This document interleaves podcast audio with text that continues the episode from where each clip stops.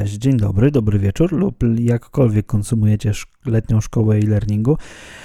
A, to co słyszeliście przed chwilą to piosenka, która nazywa się Przybysze z Mat Planety. Tak też nazywał się program w telewizji edukacyjnej. Właśnie, Przybysze z Mat Planety. Nie wiem, czy pamiętacie, Pi i Sigma tam by byli i oni opowiadali różne tam sobie rzeczy, rozwiązywali problemy, podróżowali po kosmosie, ale co jest ciekawego, słuchajcie, Autorką piosenki jest e, Magda Wojtaszewska, muzykę napisali Rafał Błażejewski i Marceli Latoszek, ale mniejsza z tym. Nie wiem, czy wiecie, że no, ten kawałek śpiewa Andrzej Zaucha. E, ten odbyłaś serca biciem, jakby ktoś nie wiedział. No, niesamowita, niesamowita sprawa, niesamowity program, a przywołuję go dlatego, że dzisiaj mam odcinek solowy, taki sobie zostawiłem na, na sam koniec, żeby w pewien sposób porozmawiać z Wami o tym, jak mądrze badać efektywność szkoleń online, jak mądrze do tego podejść, bo zobaczcie, spędziliśmy naprawdę bardzo dużo czasu dyskutując o projektowaniu, o tym, jak określać cele, jak robić scenariusze, jak stosować metody design thinking, w jaki sposób liczyć albo nie liczyć zwrotów, co zrobić tak naprawdę, żeby udowodnić wartość tych e, materiałów, które wytwarzamy. I teraz chcę Wam zaproponować e, pewne krótkie ćwiczenia, może pewien krótki schemat, który możecie sobie, um, może każdy z Was sobie zrobić. Kiedy startujecie swoje szkolenie online albo startujecie szkolenie online, do którego się przygotowywaliście, w, na jednej stronie, na jednej kartce powinniście sobie wypisać um, oczekiwania. Swoje własne oczekiwania na takich małych fiszkach. Mogą to być postity, ale one tam pewnie zajmą Wam za dużo miejsca, lepsze są takie małe fiszki, które z jednej strony są takie przyklejałkowe. No nie takie, albo takie postity pocięte na cieniutkie paseczki. I teraz e, wyklejacie sobie. Wyklejacie sobie swoje oczekiwania wobec tego konkretnego szkolenia. To może być szkolenie online, może być offline, nie, nie ma to znaczenia. No i teraz uczestniczycie w tym szkoleniu. Robicie wszystkie zadania tak, jak e, powiedział prowadzący. Nie odpuszczacie. On wie lepiej i on projektował to szkolenie, on to wykonywał, on planował te zadania, ewaluował i tak dalej. On wie lepiej. Zdajecie się na mm, jego wiedzę, jego doświadczenie i to, że on naprawdę wie o czym mówi. I jeżeli tak zrobicie i skończycie to szkolenie, skończycie je z sukcesem, naprawdę zaplanujecie sobie czas, pamiętajcie o tym czasie z samego, samego początku. Jeżeli nie, to wróćcie proszę do pierwszej części letniej szkoły e-learningu, kiedy, kiedy mówiliśmy o uczeniu się, e, uczeniu się online. Bo to jest jedna z, tam, z tych metod, które właśnie no, wypadałoby, sobie, wypadałoby sobie powtórzyć. No i dobra, kończycie szkolenie. I teraz co robicie? Bierzecie znowu postity, najlepiej z innym kolorem i określacie to, jak wy sami czujecie się z wynikami. Jakie wyniki, jakie wyniki osiągnęliście, co osiągnęliście dzięki temu szkoleniu. No i super. I teraz punkt trzeci, który pokaże wam tak naprawdę to, na czym nam tak najbardziej zależało, czyli na zbadaniu własnej efektywności szkolenia online. No bo teraz co możecie zrobić? Wyciągniecie sobie te swoje oczekiwania i sprawdzicie, czy oczekiwania się pokrywają z waszymi efektami. I ja wiem, że to jest strasznie trywialne zadanie i strasznie trywialny sposób, ale mm, no, jeżeli mielibyście narysować sobie takie dwa zbiory, właśnie tych Pi Sigma przybyszyzna mat planety, to im większy, im większy obszar, na którym te dwa zbiory się pokrywają, nakładając się na siebie, tym a, lepiej jesteście w stanie określić swoje oczekiwania i w kierunku ich dążyć. Im, wie, Im bardziej się te elementy będą na siebie nakładały, tym bardziej świadomie wybieracie sposoby uczenia się, tym bardziej świadomie uczestniczycie w pewnych szkoleniach i tym świadomiej będziecie robić to następnym razem. I teraz co się dzieje? Dlaczego, dlaczego o tym mówię? Bo żeby mądrze badać efektywność szkoleń online, to warto najpierw zbadać tę efektywność szkoleń online na sobie.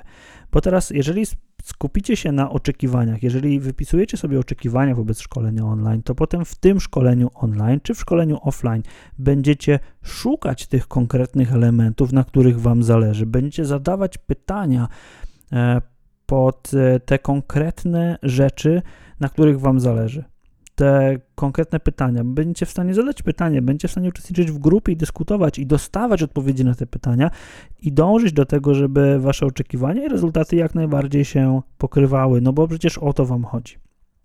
I teraz, kiedy myślicie o tym, jak badać e, efektywność szkoleń online z perspektywy waszych uczestników, no to cóż, Tutaj e, możecie pójść ścieżką bardzo tradycyjną, możecie pójść ścieżką dotyczącą możecie pójść ścieżką ewaluacyjną, czyli modelem Kirkpatricka, który jest już naprawdę sprawdzony, działający i w ogóle. Możecie zwrócić się do Przemka Kędzi, który stworzył model Effect Factor i który na pewno Wam pomoże w tym, żeby ten model zrozumieć i spróbować go stosować. Możecie zastosować na etapie projektowania strategiczną kartę szkolenia. Tutaj również odsyłam do Przemka. Możecie uderzyć w Action Mapping e, do Cathy Moore i zobaczyć, czy te elementy, które tam sobie rozpisaliście, czy one zostały spełnione. No i nie ma się co oszukiwać możecie wypracować własną metodę, e, która w waszej organizacji albo w waszym kursie będzie po prostu działać albo nie działać. Ja ze swojej strony e, chcę Wam podrzucić kilka pomysłów na to, co tak naprawdę można zrobić. E, pierwszy sposób jest dość prosty. Jest to sposób, który oparto, oparto o mm, taki model stworzony przez agencję The Growth. Jest to model, który hmm, on w zasadzie służył może służyć planowaniu, ale z mojej perspektywy dla mnie bardzo dobrze działa do tego, żebym był sobie w stanie sam uświadomić e, efekty, które osiągam. Bo jeżeli ja osiągam efekty, no to te osiągane efekty, czyli efektywność sama szkolenia, efektywność mojej pracy, to jak zasugerowane jest zorganizowanie tej pracy, ono bardzo mi pomaga. I teraz e, polega ono na tym, że mm, stronę, taką kartę A4, dzielimy na 4, na 5 wierszy, przepraszam. Rysujemy cztery kreski, tak? Czyli tworzymy sobie taką prostą tabelkę. Na samej górze znajduje się nasz cel w danym czasie, potem to, czego się nauczyliśmy, następnie przeszkody albo trudności, które udało nam się pokonać, rzeczy, które nazywamy, możemy nazwać jako, określić jako sukces i ludzie, którzy nam w tym pomogli albo z którymi mieliśmy jakieś interakcje. I teraz tworzymy sobie takie coś e, dwa razy. Mm, jeżeli szkolenie trwa na przykład dwa tygodnie, no to staramy się e, cały czas patrząc na tę, na tę kartkę, staramy się określić sobie, jaki mamy, jaki mamy cel. No, wpisujemy sobie tam ten cel e, i, no i uczymy się. Potem zapisujemy sobie wszystko to, czego się nauczyliśmy, po prostu w punktach od kropeczek, to, to, to, to, to, to, to, wypełniamy sobie tę kartkę. Następnie e, wypisujemy tam również przeszkody, na które napotkaliśmy. I to nie jest tak, że musimy iść od góry do dołu, tylko wypełniamy to w momencie trwania szkolenia tak przez, przez jego połowę. Wypełniamy sobie to po kolei, po kolei, po kolei. Mówimy o trudnościach, mówimy o sukcesach, na przykład, nie wiem, opublikowałem pierwszy podcast. To może być na przykład sukces. Zrobiłem coś takiego faktycznie, e, faktycznie e, dla mnie ważnego i było to jednym z moich swoich oczekiwań albo celów. E, I ostatnia, ostatnia rzecz to, przedostatnia rzecz no to sukcesy i ostatnia rzecz to ludzie, z którymi spotkaliśmy, z którymi mamy interakcje, których dodaliśmy na przykład do znajomych. I to sobie wypełniamy Możemy zrobić teraz tak, że tworzymy sobie do tego drugą kartkę i drugą kartkę dokładamy na przykład po tygodniu albo po dwóch tygodniach, w zależności ile tam sobie to trwa. I dokładamy takie kartki, dokładamy, dokładamy, dokładamy i to może być świetne narzędzie do autorefleksji w tym, jak naprawdę się e, uczyliśmy i w jaki sposób e, zmieniło się nasze podejście do tego tematu, o którym mówimy. Tak, to jest właśnie to, to jest ten etap, na którym jesteśmy w stanie sobie e, powiedzieć: O, słuchaj, naprawdę to mi bardzo, bardzo pomogło. Drugi sposób to takie indywidualne, a chociaż niekoniecznie indywidualne, zastosowanie modelu Blancharda.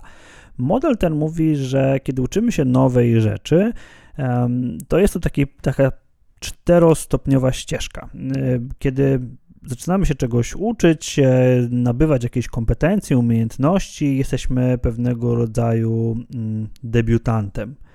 nasza wiedza w danym zakresie albo umiejętności do zrobienia czegoś są na niskim poziomie i dopiero zaczynamy zdobywać doświadczenie, dopiero zaczynamy się, że tak powiem, orientować w temacie, ale z drugiej strony, no zastanówcie się, kiedy zaczynacie coś robić, jesteście tacy e, hiperturbo zmotywowani do tego, żeby to robić, więc mamy bardzo, bardzo silną motywację wewnętrzną zapewne. I ona, mm, ta motywacja sprawia, że na przykład, nie wiem, zapisujemy się na jakiś kurs, Jednocześnie nie mamy na tyle kompetencji, żeby zacząć robić coś sam. Nie mamy na tyle umiejętności, żeby zacząć robić coś samemu. Trochę próbujemy, ale nam nie wychodzi, więc ten etap warto wykorzystać, nawet mając samemu samoświadomość tego, nie musimy tutaj czekać na nikogo z zewnątrz, żeby podjąć decyzję na temat tego, jak, ta nasz, jak ten nasz rozwój będzie wyglądał. Czyli na przykład zapisać się na kurs online albo poszukać na korporacyjnym LMS-ie szkolenia, które nas interesuje. Czyli na tym etapie, jako debiutanci, mamy bardzo wysoką motywację, no ale nasze kompetencje no, pozostawiają trochę do życzenia. Potem zostajemy mm, takim adeptem kiedy jesteśmy już takim adeptem, no to już jesteśmy, że tak powiem, zorientowani w tym, co w trawie piszczy. I, i teraz, jeżeli już e, się zorientujemy, to w wielu wypadkach no, te podstawowe kompetencje już gdzieś tam mamy, motywacja nam trochę siadła e, i, i na tym etapie mm, zaczynamy widzieć przeszkody. Więc e, kiedy zaczynamy widzieć te przeszkody, no to tak naprawdę hmm, no, nie potrafimy czegoś zrobić. Nie wiem, na przykład w kontekście podcastów nie wiemy w jaki sposób dodać nasz podcast do iTunes, a przecież tam są miliony ludzi, którzy chcieliby słuchać naszego podcastu. No zapewne tak nie jest, ale hmm, wtedy lubi nam usiąść motywacja i jeżeli e, jesteśmy świadomi tego, no to możemy zaplanować tak nasze uczenie się, zaplanować tak nasz rozwój, żeby odpowiedzieć na to zapotrzebowanie. Odpowiedzieć na to zapotrzebowanie w sposób taki, że no dobra, no to może ja na tym etapie potrzebuję mm, jakiegoś mentora, który mnie przez to przeprowadzi, albo kogoś, kto już to, kto już to zrobił, bo, bo moim zdaniem ten drugi etap to jest ten etap, na którym najwięcej ludzi ze szkolenia online albo ze szkolenia w ogóle zrezygnuje i przestanie się interesować tym i po prostu stwierdzi, nie, nie dla mnie, nie chcę, nie lubię, nie, nie, nie, nie, nie, nie, nie. Więc tutaj czasami potrzebujemy wsparcia i w kursie online, jeżeli będziecie te kursy online planować, tutaj też ten kurs online potrzebuje, potrzebuje mieć takie mechanizmy, które ludzi będą wspierać, aż oni staną się praktykami, czyli osobami, które posiadają już odpowiednie kompetencje, czują się pewni siebie. Tu jest taki czasami tak, że czują się turbo pewni siebie ludzie, ale no dalej różnie może być z tą, z tą motywacją, bo no okazuje się, że na przykład tworzenie podcastów albo robienie e-learningu albo kursów online wymaga dużo pracy, więcej pracy niż im się wydawało, niż wam się czy mnie wydawało na samym początku, na przykład robiąc letnią szkołę e-learningu. No i wtedy okazuje się, że no znowu potrzebujemy trochę takiego wsparcia z zewnątrz, czyli na przykład pozytywnego feedbacku na temat tego, co robimy. I tutaj no, warto mieć tę świadomość tego, warto mieć świadomość tego, że mm, no, taka rzecz jak e, wsparcie, zwłaszcza w przypadku monotonnych działań, monotonnych zadań, takich rutynowych, no ona jest, e, jest potrzebna i warto na tym etapie też obserwować swoje efekty. Warto też odnieść się do tego, może do tego poprzedniego modelu, o którym mówiłem, w którym widzimy, że ten postęp nastąpił. No i potem mamy ten etap czwarty, czyli etap bycia ekspertem. I tu jesteśmy, mamy doświadczenie, jesteśmy bardzo zaangażowani albo zaangażowani. E, tutaj czasami warto dzielić się też, e, uczestniczyć właśnie w grupach tematycznych, po to, żeby się dzielić swoją wiedzą i doświadczeniem.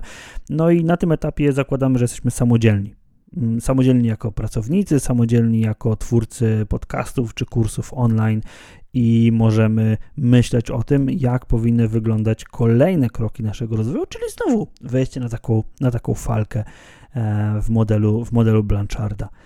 Mówiąc o tych e, wszystkich narzędziach, słuchajcie, pewnie e, rozczarowałem tych, którzy myśleli o tym, że będziemy mówić tutaj o narzędziach mówi, mówiących o efektywności takiej, takiej korporacyjnej, ale jeżeli, jeżeli chodzi o, o badanie efektywności szkoleń online, to ono powinno przede wszystkim być badaniem na poziomie, e, na poziomie takim bardzo, bardzo podstawowym, bardzo indywidualnym, bo no, osiąganie tych efektów na poziomie indywidualnym w wielu wypadkach pozwala nam też na osiąganie efektów e, na poziomie korporacyjnym. I teraz, jeżeli chodzi o ten poziom korporacyjny, to oczywiście tutaj um, ludzie, którzy zajmują się teorią uczenia i social learningiem i tak dalej, powiedzą mi, że jestem strasznym bluźniercą i um, no i może trochę mają, e, może trochę mają e, rację, ale chcę Wam e, zaproponować pewien model. Nazywa się on Behavior, behavior Model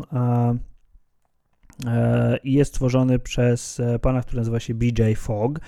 I teraz odeślę Was do strony behaviormodel.org.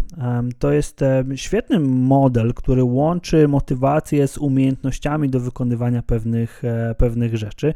I teraz E, no, trudno mi jest um, opowiedzieć o tym, e, jeżeli nie widzicie tego obrazka, więc e, odeślę Was do, do niego, ale teraz może go pokrótce opiszę. Wyobraźcie sobie, że na linii poziomej, mm, tam gdzie na matematyce były x, mamy umie, możliwość do, zro, do zrobienia czegoś, możliwość wykonania czegoś, taka zdolność do zrobienia czegoś. I bliżej zera, czyli po stronie lewej będzie coś, co jest trudne do zrobienia, a po stronie prawej coś, co jest łatwe do zrobienia. Nie? Czyli blisko zera jest coś niemożliwego do wykonania. Im dalej, tym łatwiej się coś robi. Proste.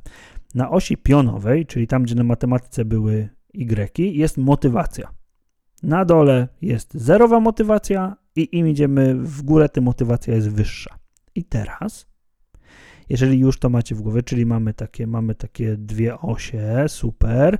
W zero mamy niską motywację i bardzo trudną rzecz do zrobienia i im dalej, tym jest łatwiej, nie? No i teraz super. Teraz wyobraźcie sobie taką przerywaną linię, która jest taką ćwiartką okręgu i ona idzie sobie, jest bardzo blisko um, tej pionowej linii u góry i bardzo blisko tej poziomej linii u dołu. Nie? Czyli tak jakbyście wrysowali takie, takie półkole, tak, taką ćwiartkę okręgu tam.